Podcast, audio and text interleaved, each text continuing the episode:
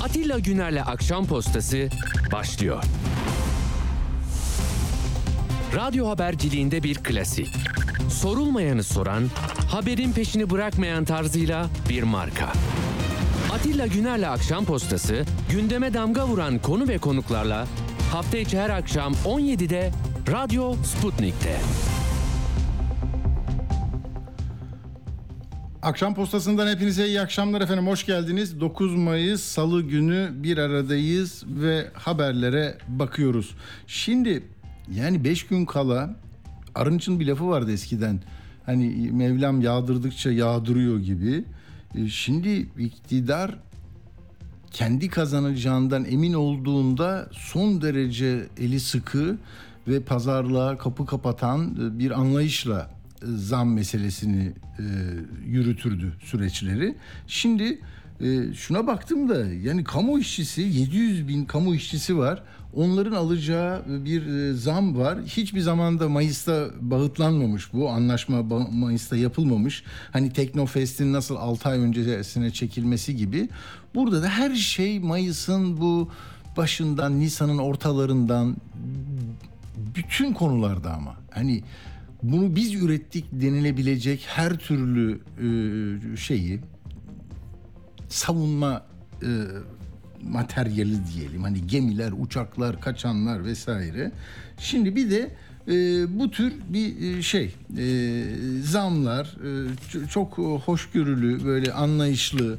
Aa öyle mi ne kadar istiyorsunuz? 11 e, verecektim ama size hadi seçim geliyor bunu arttıralım. Şöyle olmuş yani taban ücret 15 bin lira olmuş. Ama Türk İş Başkanı'nı dinledim. O diyor ki işte ek getirileriyle beraber en düşük maaş 18 bin lira oldu. Ama şunu dedi ya. Dedi ki yani yüzde 45 zam tamam istiyorduk oldu. Ama bizim asıl istediğimiz zam olmasın. Yetişemiyoruz fiyatlara. Yani fiyatlar koşuyor sen arkasından cebi boşalmış insanlara hani havada ikmal gibi bir şey tamam mı? Hep böyle bir bir şeyin peşinde gidiyorsunuz. Çünkü yani yıllık yüzde üç diye bir şeyiniz yok sizin. Ayda oluyor o. Resmi rakamlar 3 diyor. Belki 10 oluyor. Yani her şeyi 3 katı fazlaya alıyorsunuz. Artık şey düş darmadağın oldu ya. Bugün bir simit aldım 10 lira dedi. Niye 10 lira dedim. İşte bu bilmem ne ne o taş taş fırın dedi. Diğer 7,5 lira. Onu da 8 liraya alıyorlar. Yani bu, bu açmazları örtmek için hani yangın var yangın tüpü veriyorlar size tamam mı? Al bunu sıka sıka git. Ya bu yangını söndürelim. Yangın nereden çıktı? Yok o diyor markette çıktı yangın. Ya markette değil. Kaynağından bak bakalım. Tarladan, tohumdan, ziraatten, ilaçtan hani kaybettiklerinden, dolardan hani yok diyor. Şimdi bu da aynı iş. Yani üzülüyor insan ya. 362 bin bak aileleriyle birlikte herhalde bir milyonu bulur bunlar. En altta e, taban maaş alanlar varmış, ücret alanlar, kamu işçisi bunlar. Onların yüzde 107 olmuş zammı. Görüyor musun? Yani enflasyonun yüzde 107 olduğunu kabul ediyorsun ki bu kadar zam veriyorsun yaşayabilsin diye. Adam emeğini satabilsin. Hani kalksın bir kahvaltıda üç dilim bir şey yesin. Sonra çocuğunu okula göndersin. Nasıl tasarruf edecekse. Şimdi işte o bunu da Türk İş Başkanı söyledi. 362 bin kişi en alttaymış. E çocuklarıyla falan 1 milyonu da geçer. Dediğim gibi yüzde 107 zam almışlar. E, yani en yukarıdaki maaşlar 45 olmuş. Ortalaması 45 olmuş. Neyse ilk 6 ay 45, sonra ikinci ay o 6 ay 15, yüzde 10 üçüncü 6 ay, dördüncü ay yüzde 10. Orada e, ba- başkan şunu söyledi hani eleştirilir edilir e, Türk İş Başkanı da dedi ki ya ben dün dedi bir hastaneye gittim dedi. Oradaki 9 yıllık hemşire 11.500 lira alıyordu dedi. Yani böyle şey olur mu? Bunları nasıl düzeltecek bu ülke dedi. Yani sendikası olan mücadele eden belki alabiliyor. Ee, altta kalanlar e, eziliyor gidiyor işte yani bilmiyorum çok e, şey değil. İlk kez erken aldılar. Şimdi ne diyor Vedat Bilgin'de bakan asgari ücreti de diyor 500 dolara çıkarabiliriz diyor Temmuz'da. Yani 300 küsür dolardı en son dolar e, çok e, yükseldi kurlar diye. İşte 10 bin liraya falan getirecekler herhalde onu. Hani e, kazanırsa iktidar devam ederse bakacağız ne olduğuna.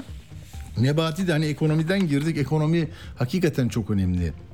Yani adalet, hukuk, demokrasi, e, denetleme, denge bütün bunlar yani demokratik bir ülkenin işleyişini sağlayacak her kavram sadece klasörlerdeki bir e, ifade olmaktan çıkmalı ve hayatımızın bir parçası olmalı tamam. Bir de ama bu işte.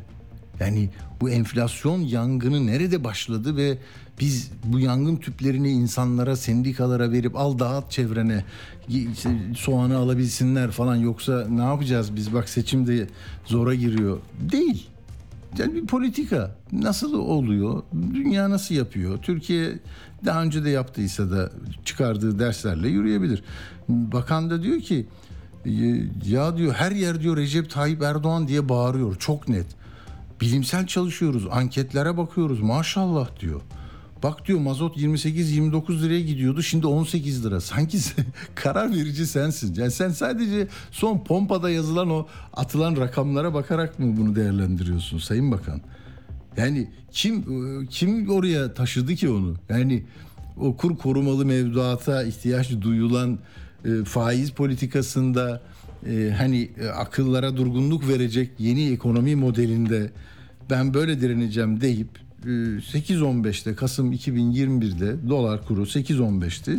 30 liraya gitti. Şimdi aşağıya yukarı dünyadaki petrolün kendi şeyi var, bir ritmi var. Ona göre de şekilleniyor. Neyse yani ekonomiden vazgeçmeyin. Burası hayatın tam merkezi ve asıl sürprizin oradan geleceğini insanlar söylüyor. Bakacağız. Bakacağız. Şimdi Erdoğan'ın tabii bu konuda biz daha önce çözdük yine biz çözeriz diyor. Yani şimdi bozulan bir şey var. İşçinin ayakta kalması için yüzde 107 zam veriyorsun en alttakilere. Demek ki yüzde 107'lik bir tahribat yaratmışsın. Ama diyor ki daha önce biz bunu tek haneliğe de indirdik yine yaparız. Yani biz yaptığımız için yaparız. Hani birisi de ne demişti? Kim dedi onu ya? İHA'ları SİHA'ları yapan bunu da yapar. Ne var korkmayın dedi. Özhas Eki miydi? Ne? Ben unuttum onu. Uğur hatırlar. Yani siz böyle diyorsunuz da e, korkmayın dedi. Ee, neyse. Şimdi bu e, bu konu bunu böyle yapalım. Sağlık Bakanı demişti. Tamam. Sağlık Bakanı demişti. İHA'ları SİHA'ları yapan enflasyonu da geçim sıkıntısını da halleder. Oy verme işlemine kaç gün kaldı? 5 gün kaldı. Günler hızlı akıp gidiyor zaten. 1 milyon 750 bin oy kutuya gitti yurt dışında. Gümrüklerde 14'üne kadar sizin nasıl e, sabahleyin kalkıp akşam 5'e kadar kullanacaksınız. Yurt dışında kaydı olanlar da kullanabilecekler. E, dolayısıyla oralardan ne gelir bilmiyorum. Ama bak sayısal şeyleri söyledi. Erdoğan bugün sayı vermezdi eskiden. Şöyle diyor miting alanını Aydın'ı diyor ki ben şimdi sordurdum geldi rakam 55 bin kişiyiz diyor. 55 bin kişi var şu anda burada diyor. Aydın'a diyor bak daha önce gelenler CHP 27 bin, Akşener 5500, HDP 1700 diyor. HDP adına gelen yok da hani yeşil solu söylüyor galiba. Böyle bir rakamlar var. Yani bu rakamlar ne anlatmış oluyor? Hani ekonomiyle ilgili rakamları konuşamıyoruz, soru soramıyoruz ama buraya o zaman bu mu yani? Şimdi 55 bin kişi geldi bitti mi Aydın'daki? Dağıtalım yani milletvekilliğini de dağıtalım mı? Yarış bitti mi? Yani kalabalıklar her zaman her doğruyu anlatmaz ki bize.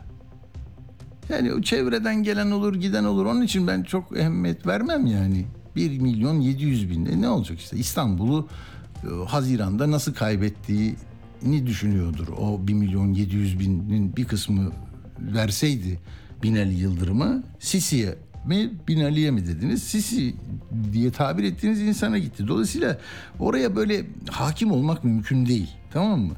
Yani böyle hakimiyet merakı var ya en tehlikeli şey de şu. Bu ne o merkezin adı? Gamer midir? Ha. İçişleri Bakanlığı'na bağlı Güvenlik ve Acil Durumlar Koordinasyon Merkezi Gamer.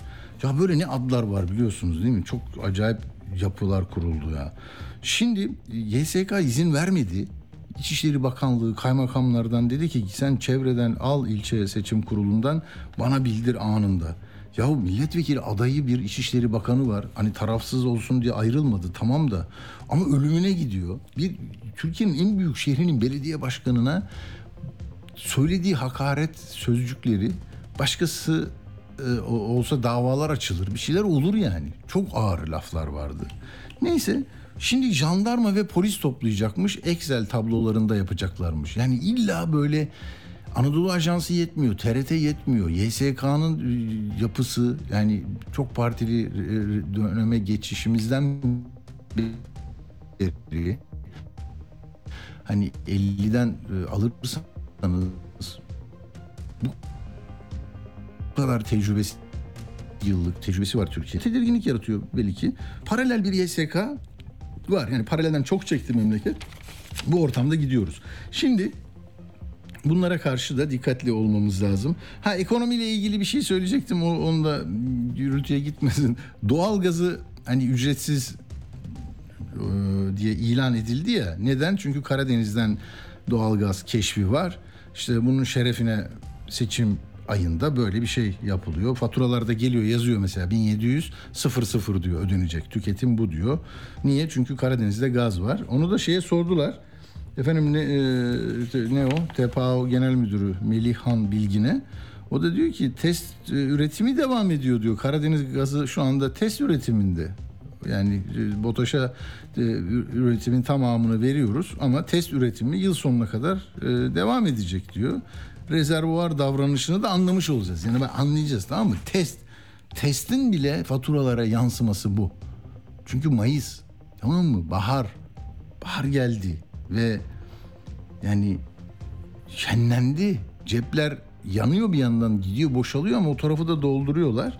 Dolayısıyla e, sizin yani test mesela arabalar hani tok test sürüşü yapabilir. Tamam sonra çıkar az üretilir. Tamam bir şey yok. Mesela uçak gemisi değildir. Tamam SİHA vardır. O da olur. Hani işte uçaklar mesela hangardan çıkıyor oraya gidiyor falan. Onlar da test testler devam edecek. Yani iktidar e, yine yerinde durursa testler aşılmış olacak, düzgün olacak. Aydın'da bir de şunu da söyleyeyim. Camilere vurulan zincirler, kitapsızlar vesaire. Bir de 27 Mayıs'ı e, şöyle tarif etti 1960 askeri darbesini. 14 Mayıs'ın rövanşı dedi. 14 Mayıs'ta Menderes e, ilk kez yeter söz milletindir dedi ve rövanş oldu. Şimdi bu pazarda diyor bu rövanşı da pazar günü alıyor muyuz diyor. Yani şimdi hayır kategorik olarak bir şeye itiraz ediyorsan hani vesayet diyorsan elit seçkin ve bunlar işte nerelerde yaşıyorlar ben Keçiören'de bir dairede oturacağım diyorsan bu tarif ettiğin bir e, siyasal zemindir. Bunun üzerine inşa edersin tamam mı her şeyini. Şimdi de mesela rövanşist şeylere karşıyız. Orada halkın iradesi vardı. Rövanş e, olarak 27 Mayıs oldu. Şimdi bir daha aradan geçmiş onca yıl. Şimdi de bunun rövanşını alalım mı? Ya 2002 değil miydi onun rövanşı zaten? Hani rövanş diye tırnak içinde söylüyorsanız. Şimdi kafalar böyle bir şey oluyor. Yani seçmen nasıl o meydanda e, çözümlüyor bunu bilmiyorum. Bir daha e, dikkatinizi çekeceğim bir şey var. Bu da bence çözümlemeye muhtaç bir ifade biçimi. Çünkü bu metinde birbirine bu kadar yakın ve birbirini e, imha eden e, yani yok sayan bir yaklaşımı e, ben e, ilginç buluyorum. Hatta kaygı verici buluyorum. Çünkü dedi ki Erdoğan bunun fotoğrafını da çektim konuşurken metni gelmedi daha da. Diyor ki e, Kılıçdaroğlu'nun diyor durup dururken Kürt bak o tam okuyorum. Kürt ve Alevi videolarının hangi amaçla paylaşıldığını biliyoruz. Ama biz iç karışıklığa müsaade etmeyeceğiz. Bizde ayrım yok. Türkiye'nin Suriyelileşmesini kesinlikle rıza göstermeyeceğiz. Şimdi bir dakika. Yani bu ülkenin bir parçası olan e, Kürt tabiriyle de tarif edilen yurttaşlarımız var etnik bakımdan böyle tarif edilebiliyor. Ee, şey Alevi inançları nedeniyle Alevi Bektaşi inancı var. cemevleri var. Her ne kadar ibadethane saymıyorsanız. Onun mensubu kendisinden samimiyetle baş, baş, bahsetti diye. Türkiye'nin Suriyelileşmesini niye söylüyorsunuz? Yani zihinlerde yaratmak istenilen şey ne orada? Duygu ya da simülasyon.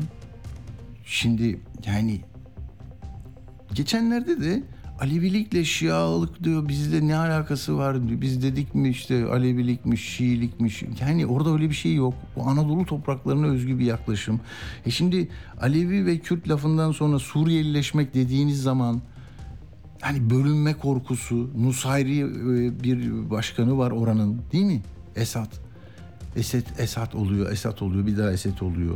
Yani o Nusayri inancına sahip insanlar da var bizim Suriye sınırlarında yaşayan. Yani Suriyelileşme bir bir dış güç meselesi mi içeride yönetilemeyen bir e, ve yok sayılan haklar, hukuklar ve buraya getirdiği baskıcı bir e, şey e, yönetim ne alakamız var bizim ya? Demokratik bir şey yapıyoruz ya. Ben Şam'a gittiğimde sormuştum o zaman da Esad'ın e, eşiyle konuşurken özgür bir basın olmayacak mı sizde? Ne düşünüyorsunuz? Daha çok erken demişti 2006'da. Yani o zaman bütündü. Bir parçası da yoktu ve 15'er bakan birlikte e, iki devlet ne o iki millet tek devlet gibi Azerbaycan muamelesi yapılıyordu Suriye'ye. Yani şimdi ne oldu? Suriyelileşme.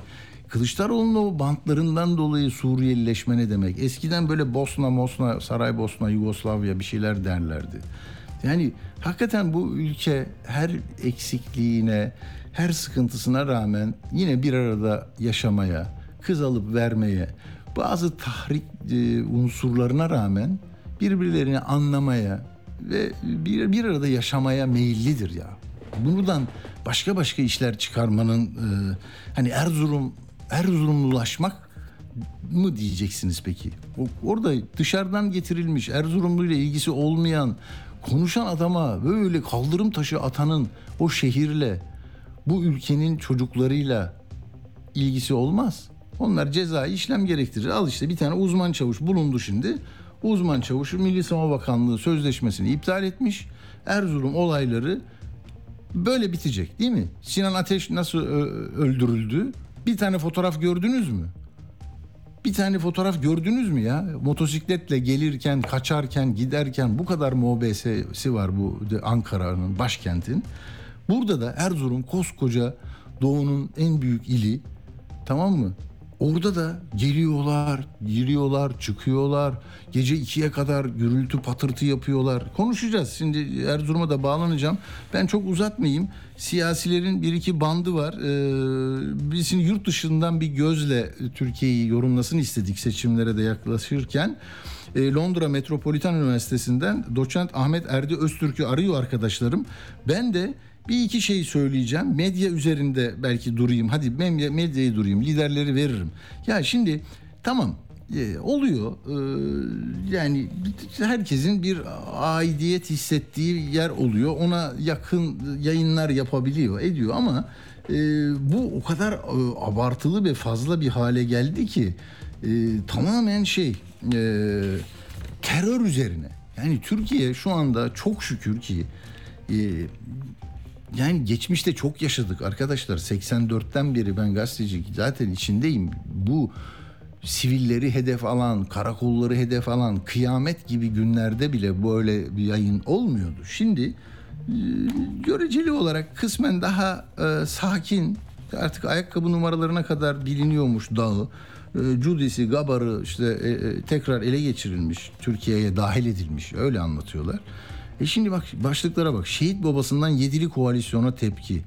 PKK'dan Kılıçdaroğlu'na bir destek daha. PKK'lı teröristten milli iradeye tehdit. PKK'yı normalleştirmeye çalışıyorlar.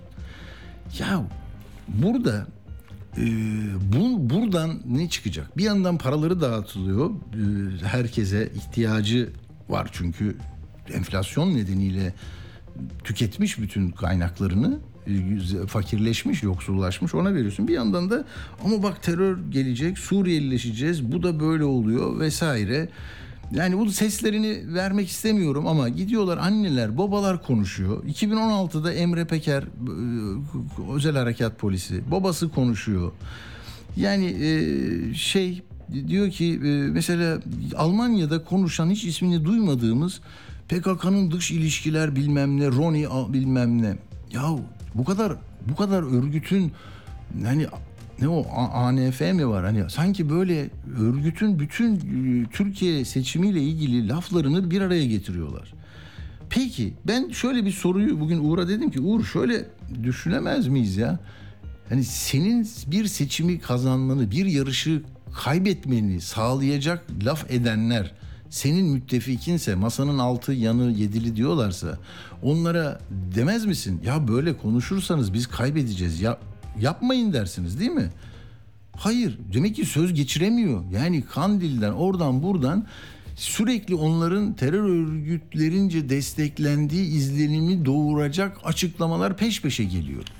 E yani o zaman kime yani teknik olarak kime hizmet ettiğini çözümlemekte zorlanmayız. Yani Kemal Bey şöyle eğer ilişkileri çok şey olsaydı yani kuvvetli olsaydı ya bir susun da şu seçimleri alalım mahvettiniz e, şeyi de e, insanların da e, algısını değiştiriyorsunuz derdi. Öyle bir şey yok.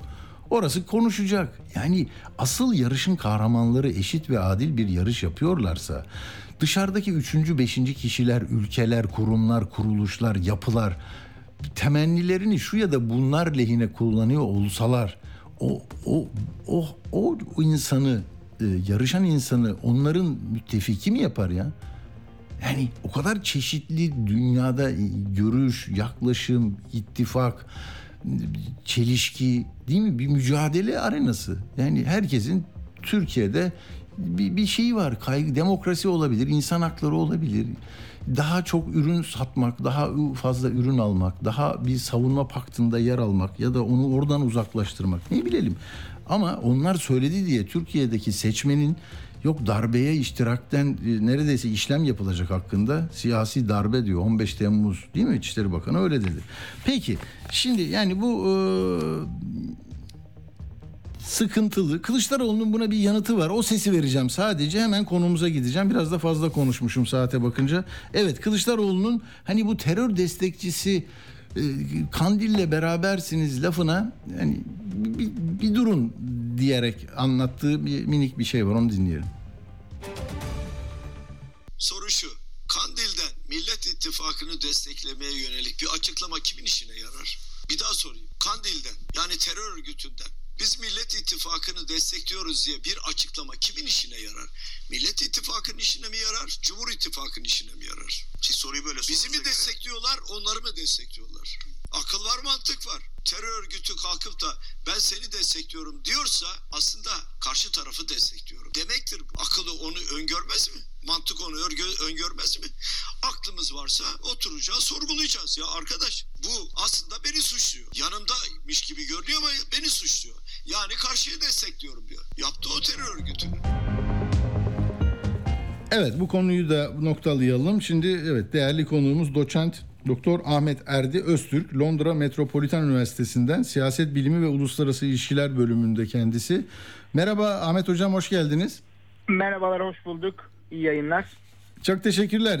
Dışarıdan göz daha e, keskin olur diye düşünüyoruz. Sizin de yazdıklarınızı da okudum. E, yani Türkiye'de adil ve tarafsız bir e, seçimin e, karakolda bitme ihtimali de e, şeylerden birisi sizin e, kaleme aldığınız yazıyı okuyorum. Değil mi? E, ama evet. olumlu tarafları, e, iyimser tarafları olmakla beraber e, burada e, siz ne görüyorsunuz? Seçime 5 gün kala biraz gerilim de arttı galiba. Nasıl değerlendirirsiniz? Çok teşekkür ederim öncelikle yayına davetiniz için. Ee, ben o yazımda bu seçimlerin sonucu karakolda bitebilir ama bir karakol var mı yok mu ondan çok emin değilim dedim. Ee, şunu demeye çalışıyorum aslında. Yani bu sadece son bir hafta Erzurum'la başlayan olaylarla değil. Yani e, Erdoğan rejimi 2016'dan sonra giderek kademeli olarak devletle kendini bütünleştirmeye başladığı andan itibaren e, sadece benim değil dünyada Türkiye'yi takip eden bir sürü siyaset bilimcinin kafasında şu soru oluşmaya başladı.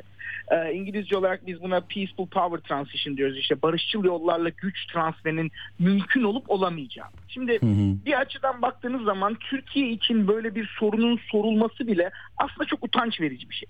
Çünkü geç Osmanlı'dan itibaren seçim pratiği olan bu topraklarda evet çok tartışmalı seçimler yaşanmıştır sonuçlarının ülkeyi yönetmeye yetmeyeceği seçimler olmuştur.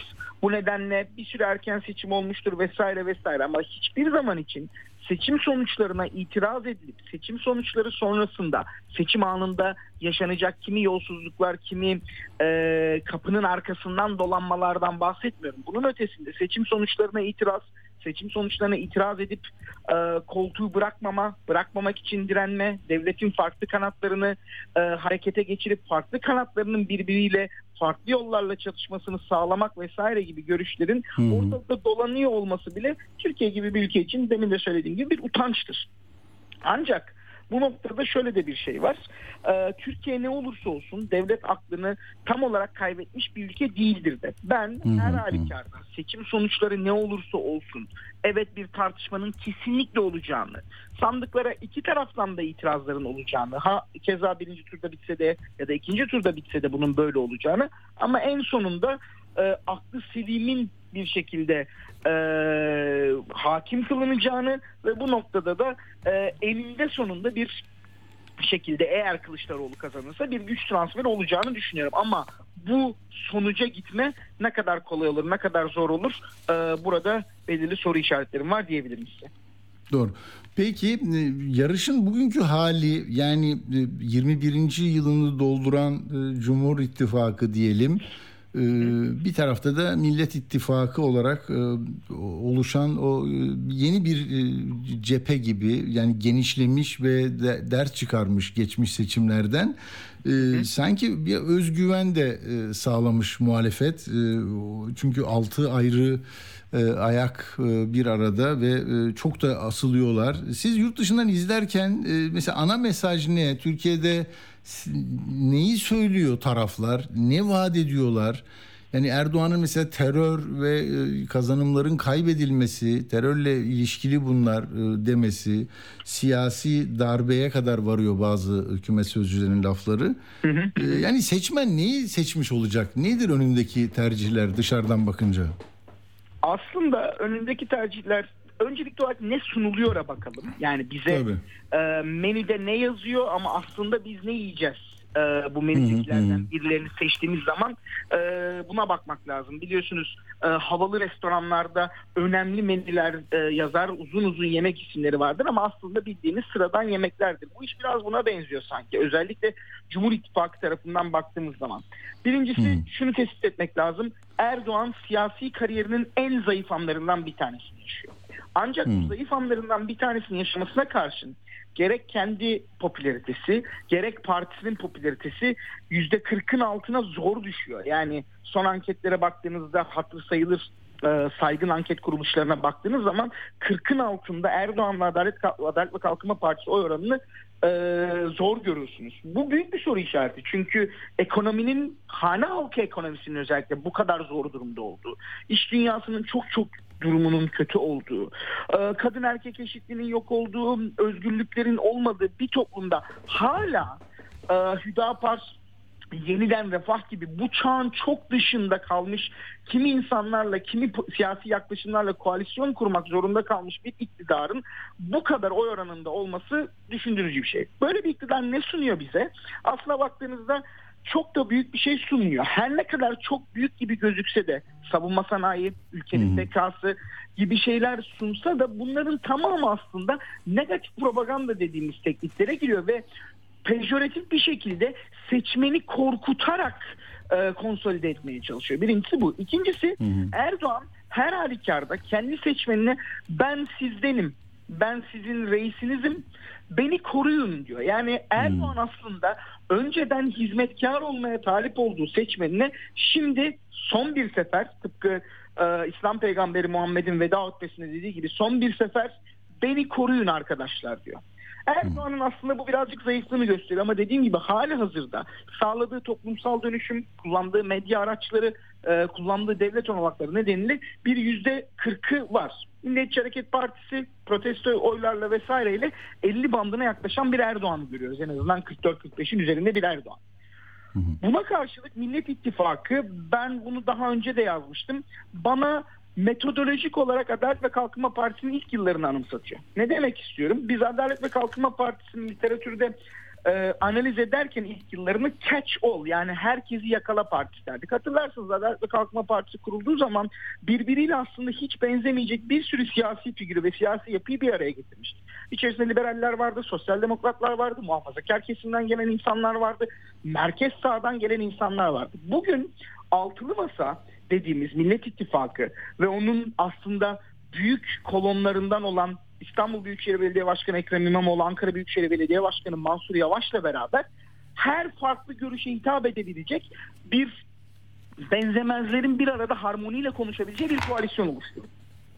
Ve e, eğri oturup doğru konuşmak lazım. Kılıçdaroğlu her ne kadar kimi yerlerde aksamış gibi gözükse de iyi bir liderlik göstererek sakinliğiyle masayı bir arada tutmayı becerdi.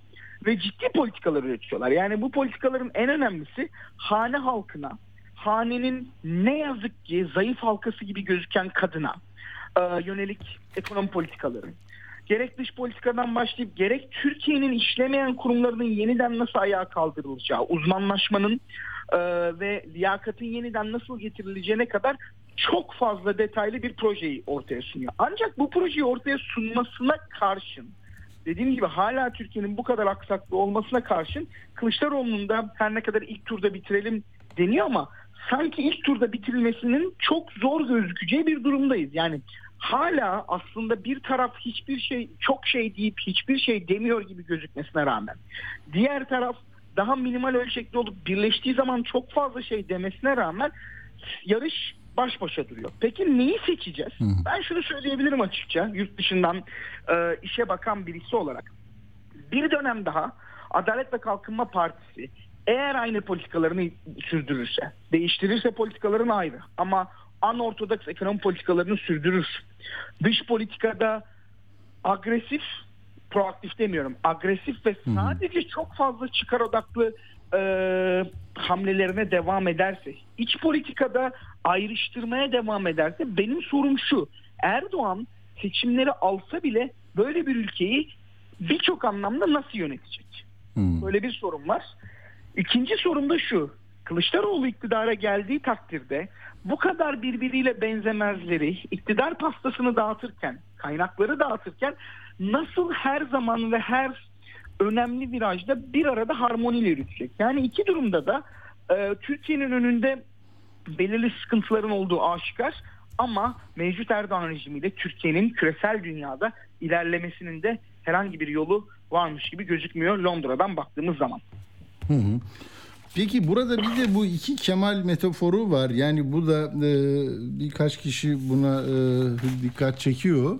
Orada e, ilginç bir şey söylüyorsunuz. E, bazen tabii e, bu şey de karşılanıyor biliyor Türkiye'de hala e, hani tabu sayılıyor e, zaman zaman.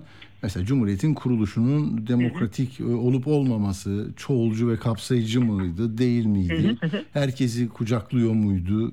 Kendine özgü koşulları içinde Cumhuriyeti de e, konuşan var, konuşmayıp e, şey yapan var. Siz diyorsunuz ki işte bir demokratik restorasyon olacak ve 1919 koşullarının başka bir versiyonu yaşanıyor diyebiliriz değil mi? Biraz açar mısınız bunu? Yani orada eksik kalan şeyleri tamamlama e, Kemal Bey'e e, bir, bir alan açacak mı? Yani o oradan böyle bir şey çıkar e, ihtimalini e, yazmışsınız değil mi?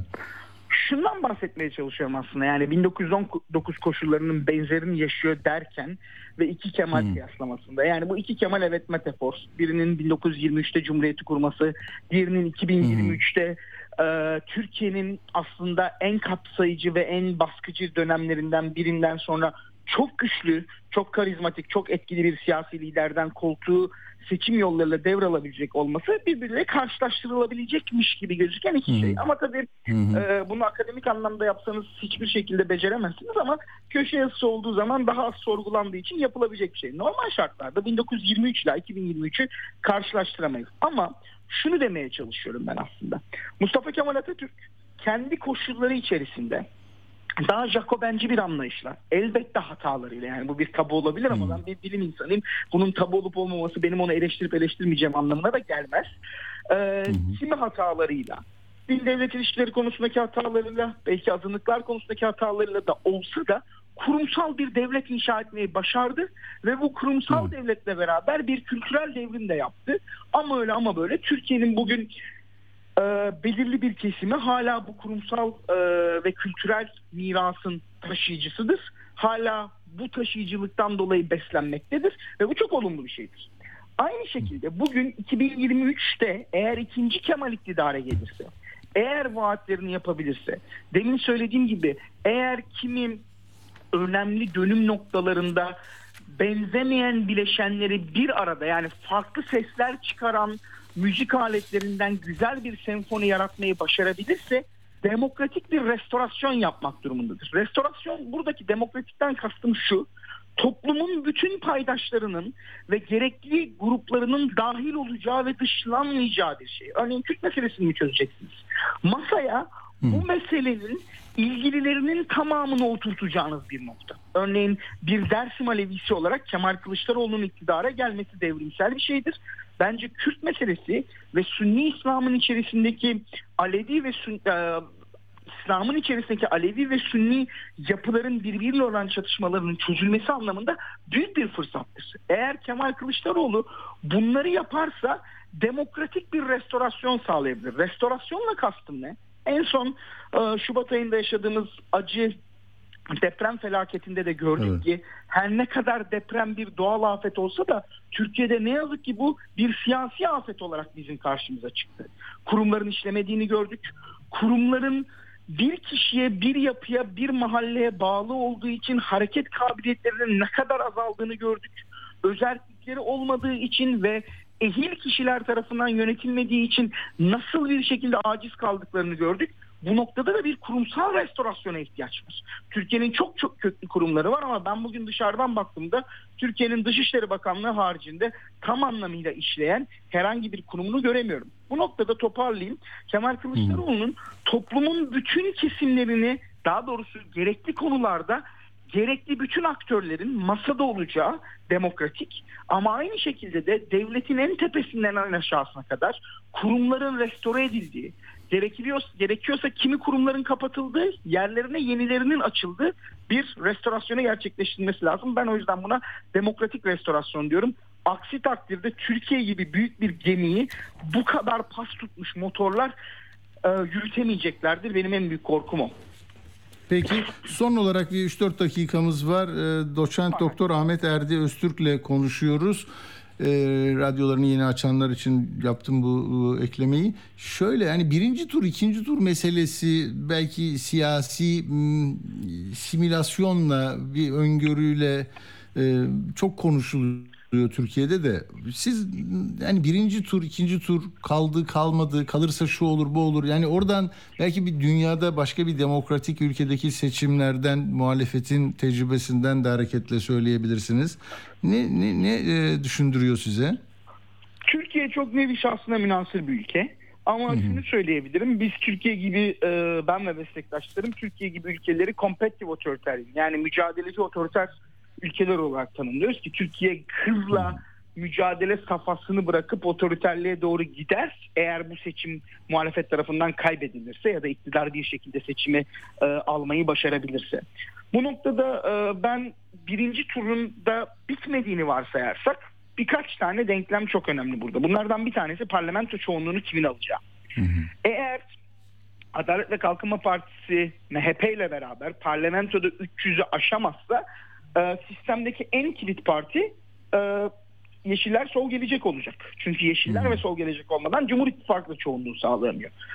Bunun nasıl muhalefet ve e, iktidar tarafından o iki haftada seçmenlere anlatılacağı çok önemli bir e, mevzu. İkinci nokta iki haftada Kemal Kılıçdaroğlu neden ilk turda alamadığını, Recep Tayyip Erdoğan neden ilk turda seçimi alamadığını ve ikinci turda seçimi almak için ne gibi bir vaatle seçmenin karşısına çıkacaklar bu çok önemli. Bunların tamamı siyaset bilimiyle, siyasetin kendi doğasıyla alakalı konular. Bir de siyasetin doğası dışında ancak bizim e, 2015'in e, yanılmıyorsam Temmuz ve Eylül ayları arasında ya da Temmuz ve Kasım ayları arasında o iki seçim arasında geçirdiğimiz bir süreç var. Bu iki hafta acaba o sürecin konsantre halde yaşandığı yoğun ve korku dolu bir süreç olacak mı olmayacak mı? Bu konuda da büyük soru işaretlerim var. Ee, bu, bu soru işaretlerini oturduğum masamdan değil dönemin başbakanı Ahmet Davutoğlu'nun yaptığı açıklamadan. Bu e, şeylerimi e, şüphelerimi, soru işaretlerimi, korkularımı dediğim gibi oturduğum masamdan değil Cumhuriyet Halk Partisi Genel Başkanı Kemal Kılıçdaroğlu'nun yaptığı uyarılardan ya da Devlet Bahçeli'nin aba altından sopa gösterircesine miting meydanlarından yaptıklarından pazar günkü Erzurum'dan Konya'da olmak üzere olan provokasyondan vesaireden çıkartıyorum. O yüzden diyorum ya seçim bir şekilde karakolda bitebilir ama karakol dediğiniz yer devletin tırnak içerisinde konuşuyorum bunu tarafsız yasalarını uygulayan kimin haklı kimin haksız olduğunu çıkartan bir kurumdur değil mi? Yani İngiltere'de Onun takibi tabii yargıya da gidiyor. Yargıyı da ekleyelim ona. Hani güvenlik zaten bir... zaten tabii. sembolik bir şey ama İngiltere'de Ha, herhangi bir suç Bütün. işlediğinizde polise gidersiniz, savcıya gidersiniz. Yasalar önünde onlar olanları bitenleri bir şekilde araştırırlar. Avukatlarınız olur, sizi savunurlar. Kim haklıysa kim haksızsa ona göre bir değerlendirme olur ve sonuç olur. Doğru. Yani burada o karakol metaforu, karakol sembolü önemlidir. Evet. Tarafsızlığı ve sonucu belirli kaidelere göre belirleyecek yapıyı kurumu anlatır. Türkiye'de böyle bir kurum Evet. kaldı mı? Hı hı. Yani Herkesin endişesi var. Yani şu ya da bu açıdan baktığında herkesin bir söyleyeceği eksiklik oluyor. Elbette karakolda biter lafı bize ait ama benim sorum şu. Karakol binası var mı? Karakol binasının içerisine girdiğinizde içerideki kamu görevlileri kimin görevlileri? Kimin tarafında olacaklar vesaire. Bunlar hakikaten 2023 yılında Türkiye gibi e, NATO üyesi büyük Batı ile bu kadar entegre olmuş bir ülke için konuşurken benim açık söyleyeyim bir Türkiye Cumhuriyeti vatandaşı olarak zul kabul ettiğim mevzular ama ne yazık ki konuşmak durumundayız. Peki.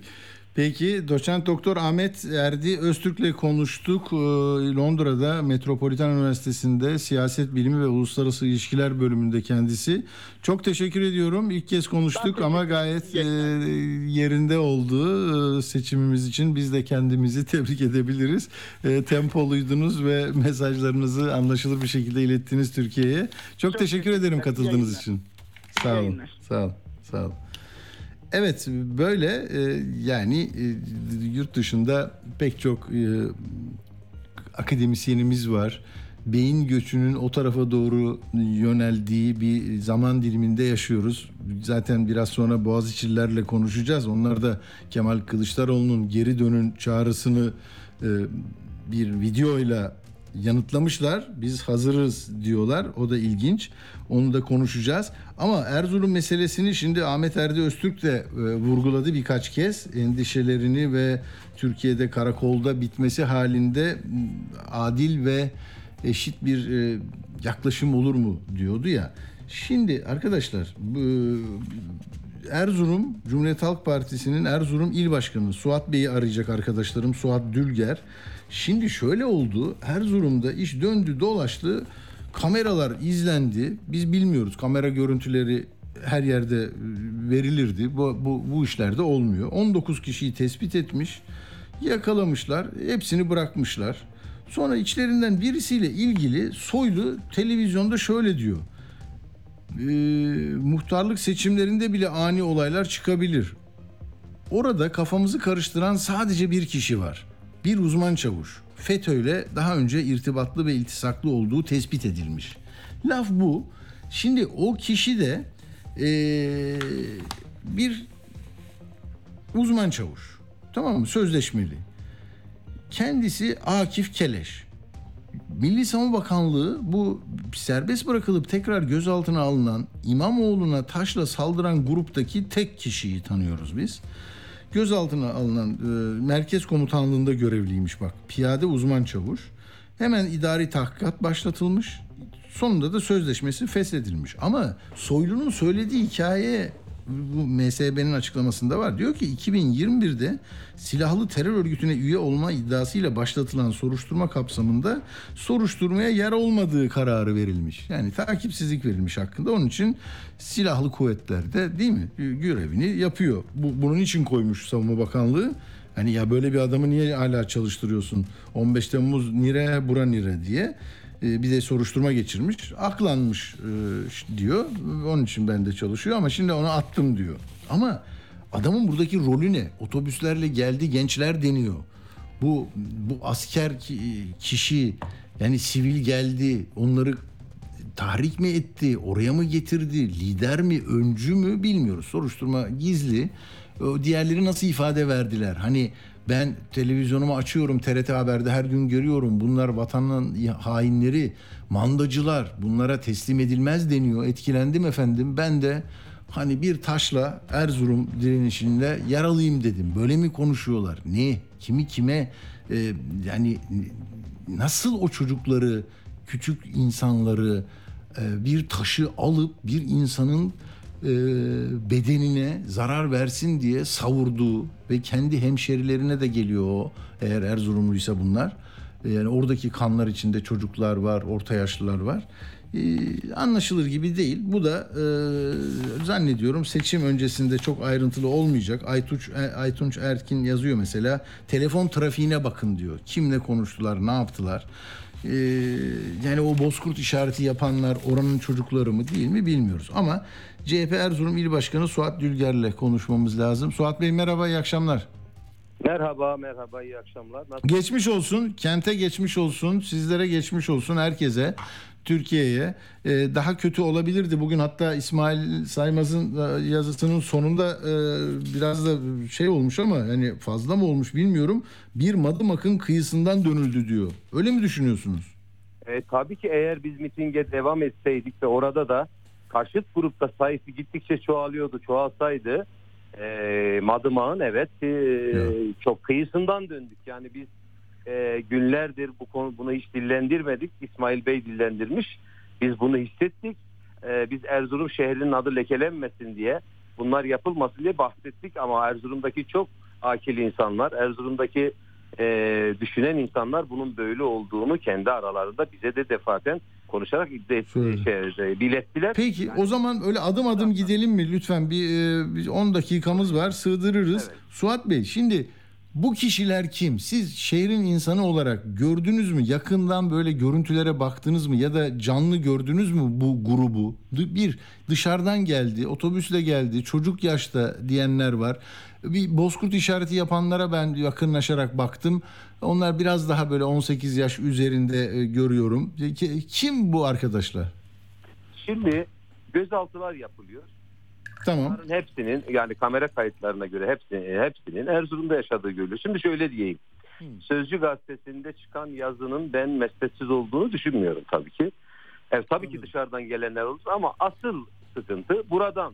Burada toplanmış. Hatta ben size şu bilgiyi de vereyim. İlk başlarda gelip bizim alandaki e, yurttaşlarımızı e, taciz et, sözden, taştan taciz edenlerin çok büyük bir bölümü 18 yaşın altındaydı. Öyleymiş. Çeşitli duyumlar alıyoruz. Bazı dernekler, bazı gruplar mesajlar atarak onlar yakında zaten çıkarlar. WhatsApp mesajlar atarak şurada toplanın, burada toplanın, işte burada Selahattin Demirtaş övülecek.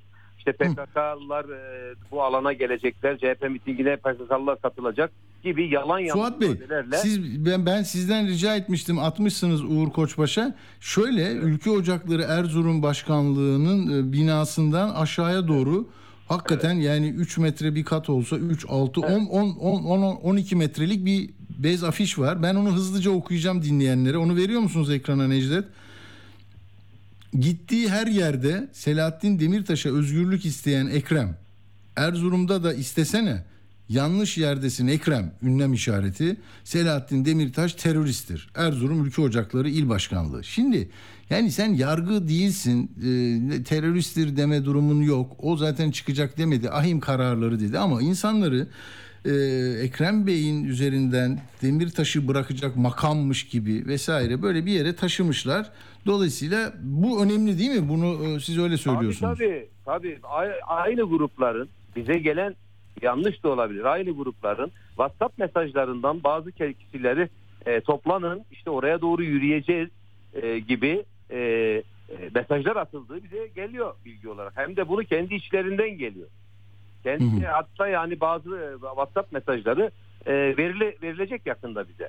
Yani bu Anladım. dışarıdan geldiler. Tabii ki dışarıdan gelenler olabilir. Hayır. Biz gibi yakın ama tabii Erzurum merkezi 400 bin, 450 bin nüfuslu bir yer. Herkes tanımamız mümkün değil. Tabii. Ama çoğunluk Erzurum'un insanlarıydı. Marjinal olsalar da Erzurumlu çocuklar. Nitekim Tamam. e, şu ana kadar 20'nin üzerinde gözaltı var. Bir tane il dışından kimse yok. Kamera kayıt aynı anda kimse gözaltına alınmadı. O gün kimse gözaltına alınmadı. Biz itiraz ettikten sonra gözaltına almalar. Ya o, orası da Kamera çok önemli. Ba- bakın onu da Suat Bey sizden dinledim ben bir bağlantınızda. Evet. O ne olur şimdi Ekrem Bey bir ara otobüsünü hareket ettirmek istedi. Mesela koruma müdürü hemen çıkalım dedi. Murat Evet. Ongun dedi ki buranın güvenliği için kalalım. Ekrem Bey dedi ki sağlansın güvenlik sonra gidelim. Biz bunları yayınladık hep. Evet. Ee, Orada mesela pratikte bu ne işe yaradı? Birinci soru bu. İki, peki otobüs gitti gece ikiye kadar bu kalabalık büyüdü mü? Neyi hedef aldılar? Niye birisi onu önleyecek tedbir almadı? Evet. Şimdi asıl e, biz orada duracaktık güvenlik alınana kadar. Ekrem Bey burada duralım dedi. Ama Tamam. baktık ki biz durdukça atılan taş ve saldırı miktarı artıyor. Siz otobüsün içinde miydiniz o sırada? Tabii tabii ben de içindeyim Ekrem. Bey'in yanındayım ben de il başkanı. Tamam. Ha bu konuşmaları videoda görüyorduk belki sizi. Tamam. Tabii, tabii. Tanımadığımız Ben için. konuşmaların yanında hemen o içindeydim. Ben Tamam. de konuşmaların. Koruma koruma amiri var mesela. O çok heyecanlanıyor. Hemen gidelim Aynen. diyor. Değil mi? Camlar, zırhlı aracın camları kırılmaya başladı. Hı. Yani içeriye bir e, yanıcı madde atsalar biz otobüstekilerin canını kurtarma şansı yok. Allah Hani korusun. alanda yine sağa sola kaçarsınız da otobüsün içinde nereye kaçacaksınız? Dur. Peki yakınlaşıyorlar mıydı? Onlar böyle ki tam 15 metre yakınımıza geldiler. Aa oraları açtılar o zaman. Biz hani bir uzakta bir barikat görüyoruz. Aa, Taş barikat attıkları bu. yerden o daha da Ya yakınlaştılar o zaman. ge- Tabii arada kaçıyor, geliyor, geliyor buraya. Ayrıca o barikat da bize o 20 metre uzaklıkta. Doğru, o da çok uzak dolayı değildi. Şöyle bir pozisyon oluşmaya başladı. Ee, bir baktık ki otobüs çok fazla taşlanıyor. Ekrem Bey taşlanmak istiyor. Biz taşlanmak istiyoruz. Biz dedik ki alandan otobüsü çıkarırsak bu gerilim azalır. Nitekim de e, biz alandan otobüsü çıkarttık ve havaalanına doğru. Şimdi şehrin içine gideceğiz. Bazı yolları yine o protestocular kapatmış. Polis de onların önüne e, bariyerler koymuş. Gideceğimiz yön de kalmadı. Biz de havaalanına dönmek zorunda kaldık. Ama Peki o sırada oradaki vatandaş ne yaptı? Meydandaki onu kim onu- onları kim korudu? size. Hemen onu söyleyeceğim. Hı hı. Bir, bir- biz alana gidiyoruz, havaalanına gidiyoruz. Bir tane polis eskortumuz yok, koruyanımız yok. Hemen valiyi aradık biz e, alana gitmeden. Yani Ekrem Başkan aradı. Bu insanlara, emniyet müdürlerini aradım ben, müdür yardımcılarını aradım. Bakın oradaki insanları sağlıklı tahliye ettirin. Evet biz gittikten sonra bir iki tane taş falan olmuş ama yine de tahliye e, bayağı bir güvenlikli etmişler. Eğer bıraksalar zaten daha büyük olaylar olurdu. Orada bizim 10 bin Hmm. kişimiz falan vardı. Yani o tahliyeyi de sağlıklı olabilecek düzeyde yapmışlar. Baştan almadıkları önlemleri tahliyede almışlar. Ama Hmm. tabii tahliye edilirken yine taşlar atılmış. Yara, benim milletvekili adayımın yara- yaralanması var. Biz bunları söylemiyoruz. İnfial yaratmasın Anladım. diye bize. Milletvekili adaylarımız yaralanmış halkın içinde. Milletvekili adaylarımız polis ta- tarafından e, gözaltına alınmak istemiş. Şimdi bütün bunlar bütün bunları biz Ekrem Başkan'dan havalimanına gittik. Ekrem Başkan yaralılar tam bir tespit edilmeden, ben onları görmeden, o alandaki insanlar rahatlıkla çıkarılmadan ben İstanbul'a falan gitmem dedi. Aradık, valiyi aradık, konuştu valiyle. Bunların görüntüleri var. İşte biz emniyet müdür yardımcıları aradık. Neyse bitti. Biz altı buçuk, yedi falan kalsak da alan boşaldı. Faşizmin öyle bir özelliği var ki o alanın boşalması onlara yetmiyor. CHP veya Millet İttifakı mitinginin bitmesi yetmiyor. Gece saat 2'ye kadar vandallıklar yaptılar Erzurum'un en önemli caddelerinde. En önemli Peki, cadde. mesela o adres mi var ellerinde? Hani burada şu bu kişi var ya da bu görüşte. her yer bilinir. Yani işte İyi Parti'nin seçim koordinasyon merkezine taşlar atmışlar, Hmm. saldırmışlar. CHP'nin, İyi Parti'nin, Saadet'in bayraklarını indirip yakmışlar. Bazı evleri taşlamışlar artık ne gördüler sonralarda. Bizim partiye doğru yürüyüşe geçtikleri söylendi bana bir ara. Parti boştu o zaman. Güvenlik hemen güçleri ne yapıyor o sırada? Yani onları kontrol altında mı tutabiliyor mu? Yok. Hiç geziyorlar hiç ya hiç geziyorlar hiç ne kontrolü var ne bir şey. Ben konvoylar gördüm hiç ya- bir tane polis arabası yok yanlarında. Konvoyla Hmm. gezip işaretler yapıyorlar. Bir çeşit şehri fethetmişler gibi davranıyorlar. Sanki Ha. bir düşman işgalinden kurtarmışlar gibi davranıyorlar. Ah, Şimdi işte biz bu tam o iklim ama bu söylem siyasi Abi söylem ona dayalı ya iç işgalciler deyince Tabii, Erzurum'un büyük kurtuluşunu adamın- sağlamış diye E düşünüyor adam. tabii yani C- Cumhurbaşkanının söylemi öyle olursa ben e, 18 yaşındaki çocuğa ne anlatayım ben? Ve Peki sonra ne oluyor? Onları mesela durduruyorlar mı gece 2'ye Hayır, kadar? Hayır iki, o insanlar kendi durmamış kimse durdurmadı. Gece 2'ye kadar gösteriler yaptı. Konvoylar yaptı. Şehir içinde zırgıtlar çektiler. Muhalif düşünen tanıdıklarına saldırmaya çalıştılar. Sözle taciz ettiler. Dövmeye çalıştılar. Korku yaydılar. Sokakta gezenlere korku yaydılar. Kaç kişi beni aradı. Ve ben hemen parti teşkilatlarına dışarılarda olmayın. e, kafelere veya bir yerlere gitmeyin. Seçim çalışması yapmayın. Evlerinize gidin dedim. Anladım. Çünkü Bugün peki bugün bugün nasıl mesela bugün siz kendi faaliyetlerinizi, kampanyanızı Ya bugün biz e, caddelerde broşürde dağıttık. E, efendime söyleyeyim. E, çünkü neden? Çünkü neden? Çünkü çünkü e, oy kaybetmeye başladıklarını ve toplumun bunu reddettiğini gördüler. Hmm. Bunu görünce o tehdit dili değişti. Mesela MHP il başkanı açıklama yapmış.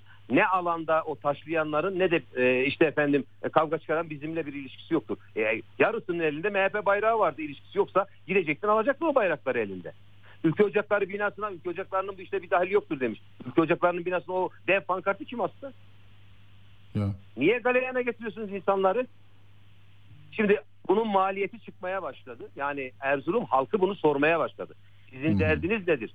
Demokratik bir seçim oluyor burada. İnsanlar orada toplanıp bir miting yapabilirler. Bir toplantı yapabilirler. Sizin Tabii. derdiniz nedir? Ha tabii Tayyip Er duyuyoruz ki Tayyip Erdoğan da belediye başkanını arayarak niye bunlara izin verdiniz? Niye bu mitingin bizim İstanbul mitinginden daha çok konuşulmasını sağladınız? Siz ne yapıyorsunuz? Bırakaydınız orada konuşaydı. Kimsenin ciddiye almayacağı, önemli olmayan bir mi- miting geldi bizim her şeyimizin önüne geçti diye fırçaladığını duyuyoruz. Tabii bunları görünce Enteresan. Yaralılar çıkınca bizim sosyal, artık sosyal medya diye bir şey var. So- sosyal medya ve e, muhalefete de yer veren televizyonlar, radyolar e, bunlar yayınlayınca biz de televizyonlara çıkıp gerçekleri söyleyince bizim korkacağımızı zannettiler önce. Su- susarlar falan. Ben de veya diğer e, arkadaşlarım da çıkınca Ekrem Başkan da işin arkasında durunca tabii geri vites yaptılar. Şimdi orada bir istihbarat elemanı varmış. O adam FETÖ'cüden bilmem ne olmuş FETÖ soruşturması geçirmiş. İşte o adam bu işleri galeyana e, bize gelmiyor. Emniyet görevlilerinin bazılarını yani kolluk güçlerinin içerisinde polis jandarma bilmiyorum hangisi olduğunu. Birçok e, o bize e, taşla saldıranları özendirenler fışkırtanların olduğu bize zaten ilk günden geliyordu. İlk günden Peki bu, bunlar. bu Yani askerin bu askerin mesela e, oradaki rolü ne? Siz kamera görüntülerden anladınız mı videodan? Biz, ne biz yapıyor? anlamıyoruz. Onun o ne o görüntüleri bizde var. İşte Yeni Aa. Şafak yapmış. Onlar da var. Kendileri çekmişler. Şimdi bir Hı. tane günah keçisi arıyorlar bu işleri yüklemek için. Biz o insan kimdir bilmiyoruz. Onun da e, masumiyet karinesi vardır. Ben nedir ne değildir Tabii. bilmiyorum. E, tabii. Aa, çıkarsınlar belgesiyle ortaya koysunlar ama bir kişi değildi ki bu işi yapan. Orada yüzlerce insandı. Onlar neredeydi? Şu anda gözaltına alınanların içinde 7 tane bizim mitinge katılan var. 30 23 kişi falan gözaltına alın- alındı bırakılanlarla dair. Ya 7'si bizden. Yani düşünebiliyor musunuz? Taciz etmemişiz, bir şey yapmamışız. 7 tane bizden gözaltına alınan var. Bu işin ne kadar ciddiyetsiz yürütüldüğü, ne kadar Ne, ya onlara ne, ne- onlara suçlama ne? Yani taş mı Taş attın? Ne atmışlar mağdur oldun? Ya taş taş atmışlar karşı tarafa. Bilmem ne yapmışlar. Hmm. Saatlerce taş yağmuruna tutulan insanların içinde tabii ki bazı gençler bilmiyorum ben görmedim ama galeyana gelebilir. Saatlerce taciz edildiler orada. Bakın ben e, başka Peki. kanallarda da söyledim. Bir sol grup onları bir başka gruba yapsaydı, gösteri yapsaydı sadece o sol grubun şimdi tümü gözaltındaydı. Oradaki 500 kişi Tabii. elini kolunu sallaya sallaya saatlerce saatlerce şehir içinde korku yaydılar. Hiçbir şey yapmadılar onlara. Anladım. Yani bu uzman çavuş dediği e, Şenin Şafak'ın koyduğu gözlüklü, sakallı böyle sanki istihbaratta çalışıyor gibi. Evet istihbarat? Böyle- zaten onların iddiası istihbaratçı olduğuna dair. Aha. Yani işte bu tarihlerde zaten böyle şeyler e, Ya tarih nasıl şey yapılır? yok ki.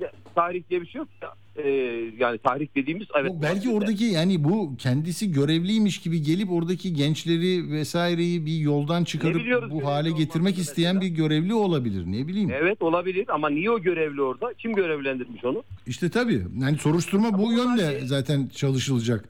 E, Şeyde Hrant Dink'in cinayetinde kimler Aynen, yoktu ya? Aynen yani bir Türkiye bunlara yabancı bir ülke değil ki. Ya hatırlarsanız Sivas olayları başlarken e, otelde olanları e, işte kı- halkı galeyana getirdiler, e, provoke ettiler diye suçladılar, suçladılar. Bir zaman geçti, birkaç zaman geçti. Bu sefer de derin devlet geldi orada insanları kışkırttı. Yoksa öyle bir şey olmazdı. Bunların eskiden beri huyu bu. Eskiden beri huyu bu. Siz Umarım daha- umarım ama huzurunuz bozulmasın. Yani Erzurum'a kimsenin ne e, bir husumeti olur. E, bütün topraklar, her karışı e, bu ülkenin çocuklarının. Dolayısıyla herkes gider, konuşur.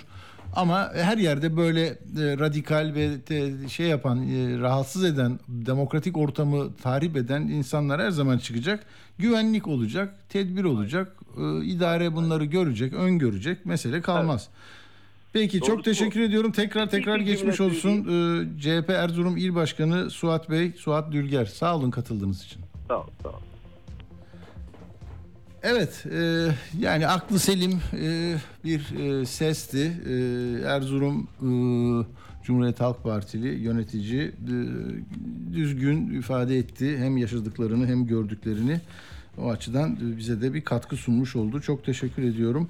E, efendim şimdi ha bugün ne oldu? E, işte şimdi mesela Sakarya'da e, konuşuyor İmamoğlu. Biraz sonra e, Kemal Bey de çıkacak orada. E, Onlar böyle e, Batı Karadeniz'e gittiler bugün. Bu- Bolu 13'te. Sonra Düzce. Şimdi Sakarya'dalar. İmamoğlu katıldı. Mansur Yavaş ve Temel Karamollaoğlu da katılacak bu son durağa. Erdoğan Aydın'daydı. Ege tabii e, yani Aydın'da hem Adnan Menderes başta söylediğim için tekrar etmeyeyim Adnan Menderes'in şehri e, orada biraz e, 14 Mayıs 27 Mayıs işte darbe rövanşını alalım gibi e, yaklaşımları oldu Erdoğan'ın. Sonra Adana'ya uçuyor. E, Akşener Giresun'da e, oldu gündüz saatlerinde. Mansur Yavaş bir de Karabük'e gitmiş. Böyle yani herkes sahada koşturuyor koşturuyor koşturuyor. Şimdi e, Başka burada benim vereceğim ses Kılıçdaroğlu, Akşener, Erdoğan Aydın'da e, ondan da kesmiş arkadaşlar. E, arka arkaya verelim o zaman küçük küçük seslerini ya da yoksa hangisi yok bilmiyorum Necdet. Kılıçdaroğlu, Akşener onları verelim. Bu ahlaksızlıktır. Bir Allah'ın kulu da o pankartı indirmedi. Hem bizler çocuklarımıza baktık, hem ailemize baktık, hem tarlada çalıştık, hem işte çalıştık, hem evde çalıştık. Üstüne erkeklere hakaret etmek için biz kullanıyoruz. Neymiş adımız? Karıymış. Hadi oradan be. Hadi oradan be. Keşke siz birer karı olabilseniz. Keşke birer karı olabilseniz. Kafayı yedi bunlar. Kafayı yedi. Taşla sopayla değil sandıkla kazanacağız diyor bir arkadaşımız. Evet taşla sopayla işimiz yok. O korkakların işidir. Cesur insanlar bunu yapmazlar. Yiğit insanlar bunu yapmazlar. Namuslu insanlar bunu yapmazlar. 27 Mayıs sıradan bir darbe asla değildir. 27 Mayıs her şeyden önce. 14 Mayıs'ın bir rövanşıdır. Pazar günü bu rövanşı alıyor muyuz? 27 Mayıs milletten asla yüz bulamayan CHP'yi tank namlusuyla iktidara getirme operasyonudur. 27 Mayıs'ın senaristi CHP'dir. Yapımcısı CHP'nin bürokrasi, akademi ve medyadaki uzantılarıdır. Baş aktörü de CHP'nin milli şefidir. Sandıktan çıkamayacağını anlayan CHP'nin genel başkanı il il dolaşarak milleti kışkırtmış, müdahaleye ortam hazırlamıştır. Radyo haberciliğinde bir klasik. Sorulmayanı soran, haberin peşini bırakmayan tarzıyla bir marka. Atilla Güner'le Akşam Postası, gündeme damga vuran konu ve konuklarla hafta içi her akşam 17'de Radyo Sputnik'te. Atilla Güner'le Akşam Postası devam ediyor. Yani Erdoğan'ın sesinde şunu e, yakaladınız mı? İl il dolaşıp tahrik etti e, milli şef diyor. Şimdi Erzurum'u konuşuyoruz. Dün anlattım zaten. Bakın 59 yılında Uşak'a gittiği zaman orada da e, muhalefet haçlılar gibi lafları var ve orada saldırı gerçekleştiriliyor. Haçlı muhalefeti karınca gibi ezin lafları var. Sonra aynı yıl e, Uşak'tan 3 gün sonra şeye geliyor, e, İstanbul'a geliyor İnönü. Orada da e, vurun Makaryos'a diyorlar. Yani tahrik etmek için gittiği denilen şey kamyonlarla bunu bakın şöyle bak ben şimdi Google'a gireceğim. Bu Uşak İnönü saldırı diyeceğim. Bir siyah beyaz fotoğraf var. Ben onları hiç unutmadım. Çok acayip bir fotoğraftır. Bilmiyorum. E, Topkapı surlarının yanında falan böyle. Kamyonla gelenler saldırıyorlar. Tamam mı? E şimdi bunu tarih gezisi demenin anlamı var mı? Ben bunu çözemiyorum ya. Al işte bak acayip bir şey. İnönü Topkapı deyin tamam mı? 4 Mayıs 1959'da. Yani yani 60 kaç oluyor? 63 yıl, 64 yıl önce bak ne yazıyor üstüne? Başına taş değil Allah'ın gazabı çarpsaydı. Uşak'ta başına taş geliyor. Adamlar 3 gün sonra İstanbul'da böyle diyorlar. Yani polis kaldıramıyor e, şeyi insanları oradan. Hepsinin üstünde hazırlık yapılmış. Yazılar, acı günler geçti. Artık güneş vatandaş var falan filan. Yaşasın Menderes bir şeyler. Yani 4 Mayıs 59 Topkapı Sarayı'nın önünde. Yani yan yasağı koyuyorlar, izlenemiyor. Polis böyle seyrediyor. Yani sopalı adamlar bilmem ne. Şimdi bu tarih gezisi oluyor. Hepsinin elinde var sopaları görürsünüz. Gözlüklü mözlüklü. Bugün Erzurum'daki adam neyse onun işte 59'daki şeyleri. E şimdi bu bunu böyle takdim ederseniz saldıranı değil seyahate gideni seçimle ilgili konuşma yapanı e, zan altında bırakıyorsunuz. Bu da e, çok isabetli olmaz bana göre. E, isabetli e, olur olmaz bir şey var. Onu da bugün İstanbul'da biraz turladım gördüm. Şey yazıyor. E, işte Türkiye yüzyılı başlıyor, e, başlıyor. Şimdi bir takvim var tamam mı? Mesela ta, takvim ne abi? 2023 değişiyor. 2022'den 2023'e geliyoruz. Türkiye yüzyılı başlıyor. Şimdi başlaması yani bir takvimle bağlantılı bir şey mi? Mesela ne koydun için? Hani Türkiye 100 yılı Türkiye'nin enflasyonu yüzde seksenlere hiçbir zaman çıkmayacak. E, hukuksuzluk nedeniyle cezaevlerinde hiçbir zaman e, hu, hakları çiğnenmeyecek insanların. İşte Şen Yapar ailesinin katilleri, Sinan Ateş'in katilleri, her neyse yolsuzluk. Bak Bülent Arınç ne diyor? Ya bu Ali Yeşildağ'ın söylediklerine bakıyor musunuz diyor ya. Ba- bakılması lazım diyor. Şimdi onların olmadığı yani gri gri ülkeler listesinde olmayacağımız, şeffaf olacağımız, denetlenebilir, herkesin soru sorabildiği bir ülke olmamız beklenmiyor mu? Yani Türkiye yüzyılı takvimle ilgili bir şeyse başlıyor. Başladı da hani içine ne koyarsak başlamış olacak. Burada bir hani sözcüklerin böyle şehveti var ama ben şey yapamadım yani başladı da niye ben bir şey mi kaçırdım diyorum. Neyse şimdi bak Arınç'ın o lafını da ettik ya şimdi orada bir şeyler oluyor arkadaşlar. Hani ben şimdi seçime böyle üç gün dört gün kala bunların daha sağlıklı ortamlarda konuşulmasından yana olduğum için çok da girmedim. Yani ama Türk medya denilen bir medya var ve bu çok sayıda e, akşamı, güneşi, starı, T24 24 kanalı, 360'ı, TV4'ü, işte Alem FM var, Star matbaası var, dijitali var. Yani Alem dergisi, platini falan filan böyle bayağı bir şey. E, kimindi bu biliyorsunuz? E, şeydi ya sattı ona. Ethem Sancağan'dı. Tamam mı? TSM, TMSF'den aldılar. SkyTürk 360, akşam güneş falan. Neyse şimdi 2017'de Yeşildağ kardeşlere satıldı. O kardeşlerden işte Zeki Yeşildağ var, Hasan Yeşildağ var, Hasan var. Bir tanesi Pınarhisar'da Erdoğan'la birlikte onu korumak için yatmış. Şimdi böyle bir yapı. Bunu bu kardeşlerden bir tanesi yurt dışında işte diyorlar ki onu FETÖ kaçırdı oraya diye aile açıklama yapıyor. Cevheri Güven bunu yapmıştı. O da FETÖ firarisi diye kayıtlarda aranan bir isim. E şimdi sap, sapla saman birbirinden ayırmak lazım ya. Kasten adam öldürme suçundan 10 yıl ağır hapis cezasına çarptırılmış Ali Yeşildağ. Bir sürü cezası varmış falan ama anlatıyor adam. 1 milyar dolar buradan gitti. Şuradan bu oldu. Buradan bu oldu diyor. Yani şimdi ne olacak? 17 15 25'te de pat küt hepsi bunlar bilmem ne darbe girişimi içindekileri de atın kenara. Yani her şeyin e, yani Sedat Peker yani o da şimdi matah bir insan mı? Ama bir sürü işin içinde olmuş etmiş sonra da konuşuyor. Zaten yani bir Sümer Bank'ta tezgahtar olan bir arkadaş anlatamayacak ki bunları. Böyle arkadaşlar anlatacak. Bunlar içinde çünkü bu işlerin. E, Dolayısıyla buna soğukkanlı bakmakta fayda var. Yani seçmenin tercihini oradan buraya kaydırma meselesi değil.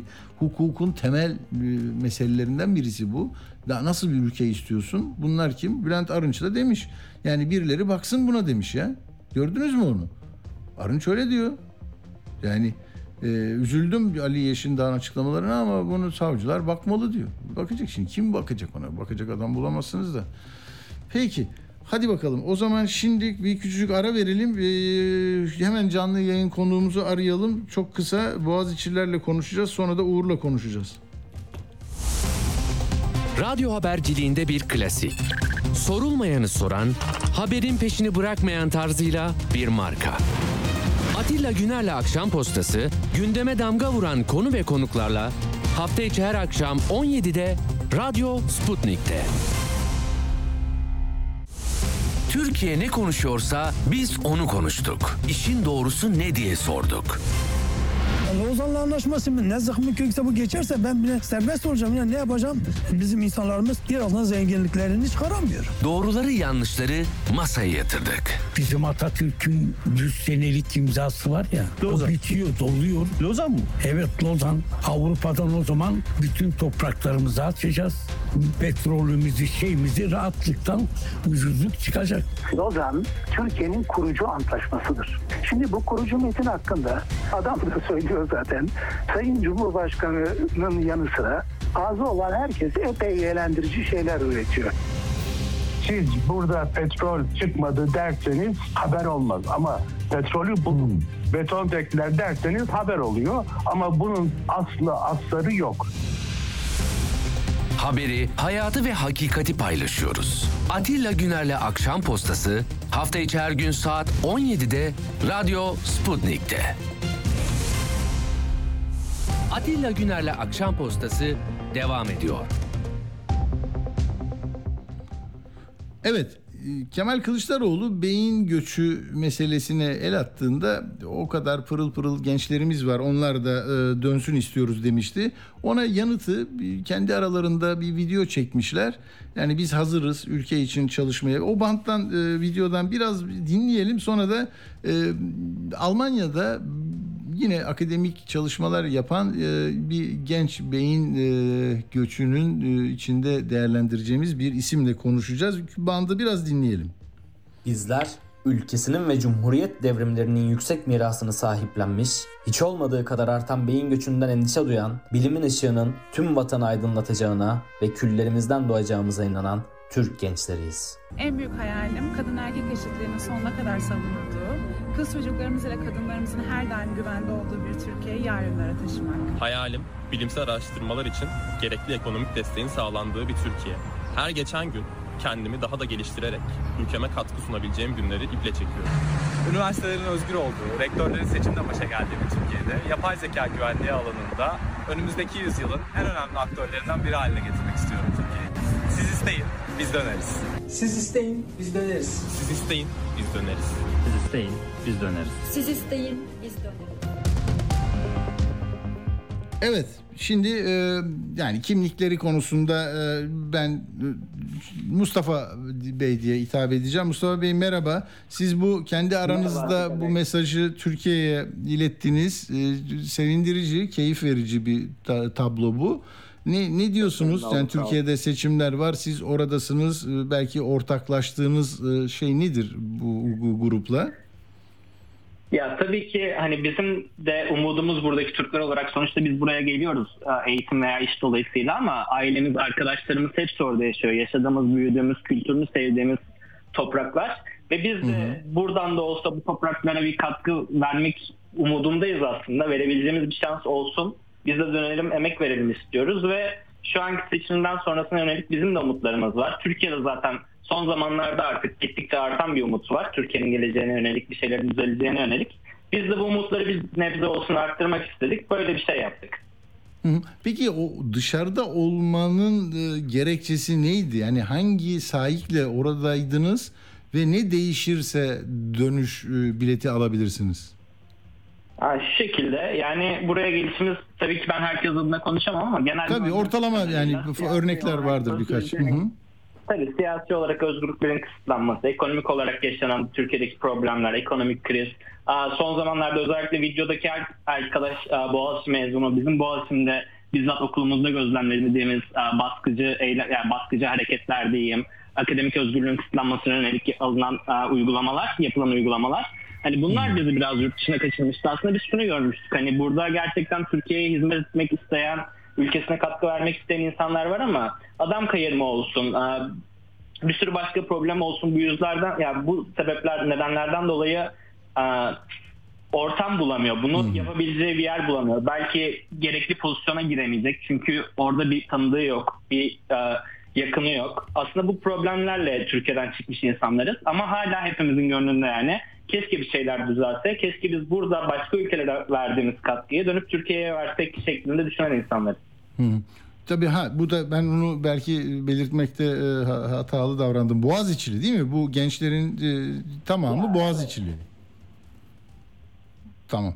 Evet Ee, hocam. söyledikleriniz de anlaşılır. Yani Boğaziçi'nin nereden nereye geldiği, sizin belki öğrenciyken kafeteryasına oturuyordunuz, bilmem e, araştırma yerleri vardı, öğrencilerin değil mi e, faaliyetlerini yürüttüğü e, böyle özerk yapıdaki bazı şeyler vardı, değil mi? Onların tamamı kalktı. O- Onu görüyorsunuz orada. Ya büyük büyük kısmı çok büyük zarar gördü evet. Yani Boğaziçi'nin lafınızı bölüyorum ama Boğaziçi'nin çok özel bir kültürü vardı aslında. Yani ben kendim bizzat hani küçük bir Anadolu ilçesinde doğdum büyüdüm. Yani o üniversiteye kadar çok farklı insanlarla bir arada bulunmamıştım, oturmamıştım ama Boğaziçi'nde e, benim her farklı kesimden, her farklı gruptan, belki önceden hiç saygı duymadığım, görüşmediğim insandan e, arkadaşlarım oldu ve böyle insanlarla bir arada bulunmak aslında sizi yani dünya görüşünüzü geliştiriyor. Farklı düşüncelere de saygı duymayı öğretiyor. Yani Boğaziçi'ndeki en önemli şey buydu. Yani farklı insanlarla bir arada bulunup herhangi bir şiddet veya tartışma ortamı olmadan gerçekten bir şeyler kurabiliyordunuz. Bir ortaklığınız oluyordu. Aslında bence en önemli zarar gören şeylerden birisi de bu oldu Boğaziçi'nde. Anladım. Zaten o örnekten hareketle Türkiye'de de neleri yitirdiğimizi e, çıkarabiliriz. Dinleyenler de bunu böyle düşünecektir. E, Çok sevindim. Sesinizi duymak da güzeldi. Türkiye için e, orada kendinize kattıklarınız malum. Onlarla buraya dönecek olmanız hepimizin lehine olur. Türkiye'nin yararına olur. Çok teşekkür ediyorum. Bütün arkadaşlarınıza da sevgi ve selamlarımızı iletiyoruz. Ben teşekkür ederim Atilla ve iyi akşamlar, iyi yayınlar. Sağ olun, sağ olun. Evet buradan da hemen Uğur Koçbaş'a gidelim. O da bir Boğaziçi'li. O Türkiye'de kalanlardan Atilla Güner'le çalışmayı tercih edenlerden. Evet Uğur. ne yapayım daha iyi bir yer vardı da oraya mı gittik, oraya mı gitmedik diyorsun yani. Tabii canım, en iyisi en iyisi burası zaten tamam. şimdi şimdi Soylu'nun bir videosu var. Sosyal medyada e, çok paylaşılıyor. E, Shift Elite'den e, Hakkı Alkan'ın e, gazeteci arkadaşımız Hakkı Alkan'ın e, TOG'un tanıtımı yani Soylu TOG kullanıyor. E, sonra da diyor ki sana bir şov yapayım mı diyor. İsterseniz ufak bir o şeyi dinleyelim. dinleyelim. O sesi bir dinleyelim ondan sonra Tamam. konuşalım. Bir numara yapabilirim mesela. Nasıl yapabiliriz Sayın Bakan? Sen diyorsun ya teknoloji. Evet. Dünyada teknolojiyi en iyi kullanan bakanlıklardan birisi İçişleri Bakanlığı'dır. Hiç bu konuda tevazu göstermem. Benim fotoğrafım. Kaç saniye oldu? Birkaç saniye oldu sadece. Çok iyiymiş. Bu devletin çok büyük güçleri var. Bu şu anda size gösterdiğim yüz binde biri. Öyle mi? Evet Uğur. Bu- bunu, bunu izlemeyenler Devletin çok büyük güçleri var diyor bak. çok çok büyük güçleri var. O güç de nedense Soylu'nun cep telefonunda. Yani e, bu izlemeyenler için şöyle tarif edeyim. E, yanındaki gazetecinin bir fotoğrafını çekiyor. Sonra telefon o fotoğrafı 1.9 saniye içinde işliyor ve e, ekran çıkartıyor karşısına. TC kimlik numarası, kimlik bilgileri. Yani yüz tanıma teknolojisi kullanarak e, Kim isimli bir uygulama bu. E, tabii polis, jandarma, istihbaratın kullandığı bir uygulama. Ama İçişleri Bakanı'nın telefonunda var. Şimdi bu kısmı tabii biraz şey tartışma. Ama devletin bakanı olduğu için var ama polis de kullanıyordur, emniyet müdürü kullanıyordur bunu değil mi? Olay yeri inceleme ekibi. E, tabii mutlaka kullanıyordur. Yani dünyanın bütün ülkeleri artık yüz tanıma teknolojisini kullanıyorlar. Ama güvenlik meselelerinde kullanıyorlar. Hmm, Ha Çin'de Çin'de de öyle demiyorlar mıydı Uğur? Çin'de her yerde var. Çin zaten bunu en en maksimumda kullanan ülkelerden bir tanesi.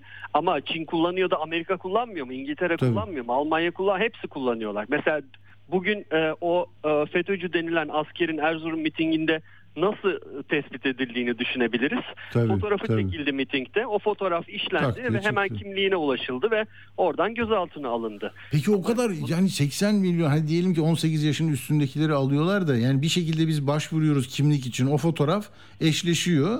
Dolayısıyla devletin şeyinde hafızasında değil mi? Yani öyle anlamak lazım. Her şey. Yani hepimizin bir fotoğrafı var. Hatırlar mısınız? Ben bundan aylar önce bir şeyden bahsetmiştim. Pimice isimli bir internet sitesinden bahsetmiştim ve demiştim ki çok endişe verici bir teknoloji ilk kez sivil kullanıma sunuldu. Hani sokakta Doğru. birinin fotoğrafını çektiğiniz zaman onun kim olduğunu size gösteriyor demiştim ve kendim de denemiştim. Hakikaten de Tamam. gösteriyordu.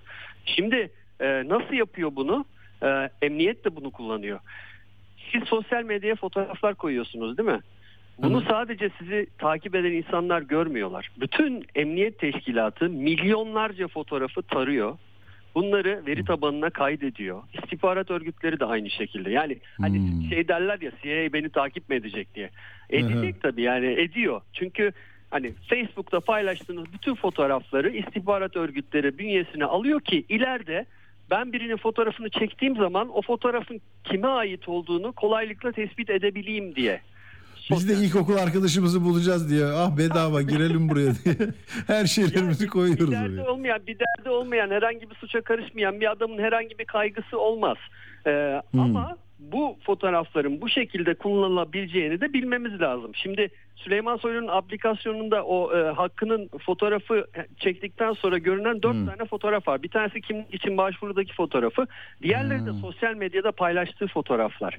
Ve bir eşleştirme yapıyor. Biyometrik eşleştirme yapıyor e, o aplikasyon. Anladım ama bu arkadaş daha önce hiç karakola ifadeye bu, bu Ama sıkıntıya devletle işi olmuştur illaki belge için fotoğraf vermiş. Yok verdim abi verdim de hayır ben ama bir karakolluk olursam beni takip et. Yoksa herkesi mi takip edeceksin yani? İşte zaten mesele orada. Şimdi Yani Uğur Koçbaş'ın fotoğrafı sende olsa ne olur? Bir olaya girersen bakacaksın ama şimdi orada arabanın yanında duruyor. Tık diye o zaman lokantada da çekersin. Mesele İmamoğlu'nun yanında kim var diye onu da çekersin. Değil mi yani? Böyle olur. Şimdi mesela polis sendikası bugün bir açıklama yaptı. Dedi ki devletin sadece istihbarat birimleri ve TEM şube tarafından kullanılabilen program parti mensubu bir bakan tarafından nasıl telefona yüklenmiş ve vatandaşla nasıl paylaşılmıştır? Ya, bak, Ekranda kim olarak yazan program emniyette gözcü olarak bilinir ve sadece istihbari çalışmalarda kullanılabilir diyor. Şimdi e, bir, bir bilişim hukuku uzmanı Umut Zorer de demiş ki bugün İçişleri Bakanlığı'nın hassas kişisel verileri işlemesi Türkiye'deki mevcut yasalara aykırıdır. E, 2016'da kabul edilen kişisel verilerin korunması kanununa göre bu suçtur diyor. Şimdi bunun tartışması var tabii ki ama bu teknolojinin e, tabii biliyorduk ama ilk defa görmüş olduk. Yani e, Ya bir şovda yani bir seçime giderken Türkiye'nin imkanlarının ve ne derler hani ne derler ya öyle bir şey var e, yine o da askeri bir tabir gibi. İmkan ve kabiliyetlerinin ne kadar yüksek olduğunu göstermek için yaptılar. Ama Erzurum'u Sinan Ateş'in oradan bir görüntü bilemiyoruz. Yani nerede o arkadaşlar? İddianamesi Ya. nerede bilemiyoruz. Dolayısıyla o Şen Yapar ailesini de Kemal Bey oralara gitmeseydi e, davası iddianamesi olmayacaktı. Antalya Serik'te bir ben 100 bin lira aldılar buradan 200 bin dolar aldılar. O da belli olmuyor ne olduğu. Neyse. Peki o zaman e, zaten süremiz de doldu galiba. Uğur o diğer konuyu yarın da konuşuruz değil mi? Var mı ekleyeceğim bir şey? Sadece şunu söyleyeyim. Ee, şey bitti biliyorsunuz Avrupa'da, e, Amerika, dünya genelinde oy kullanma yurt dışı sandıklar kapandı. Ee, yani sandıklar patladı çatladı çok büyük rekor katılım vesaire dedik. Geçen sene %50.1'di bu sene 51 oldu. Yani çok da çatlamış patlamamış oldu sandıklar. 1 milyon 700 bin oy civarında kullanılmış oldu 3,5 milyon seçmen içinden. Tamam o zaman arkadaşlar buradan da bir sonuca ulaşalım. Yani seçim meydanlarına gelenlerin sayısını söyleyerek seçime katılımı da çıkaramıyorsunuz. Kimin ne aldığını da çıkaramıyorsunuz. Kuyrukları gördünüz ilk gün patlıyor çatlıyor bir şeyler dediniz.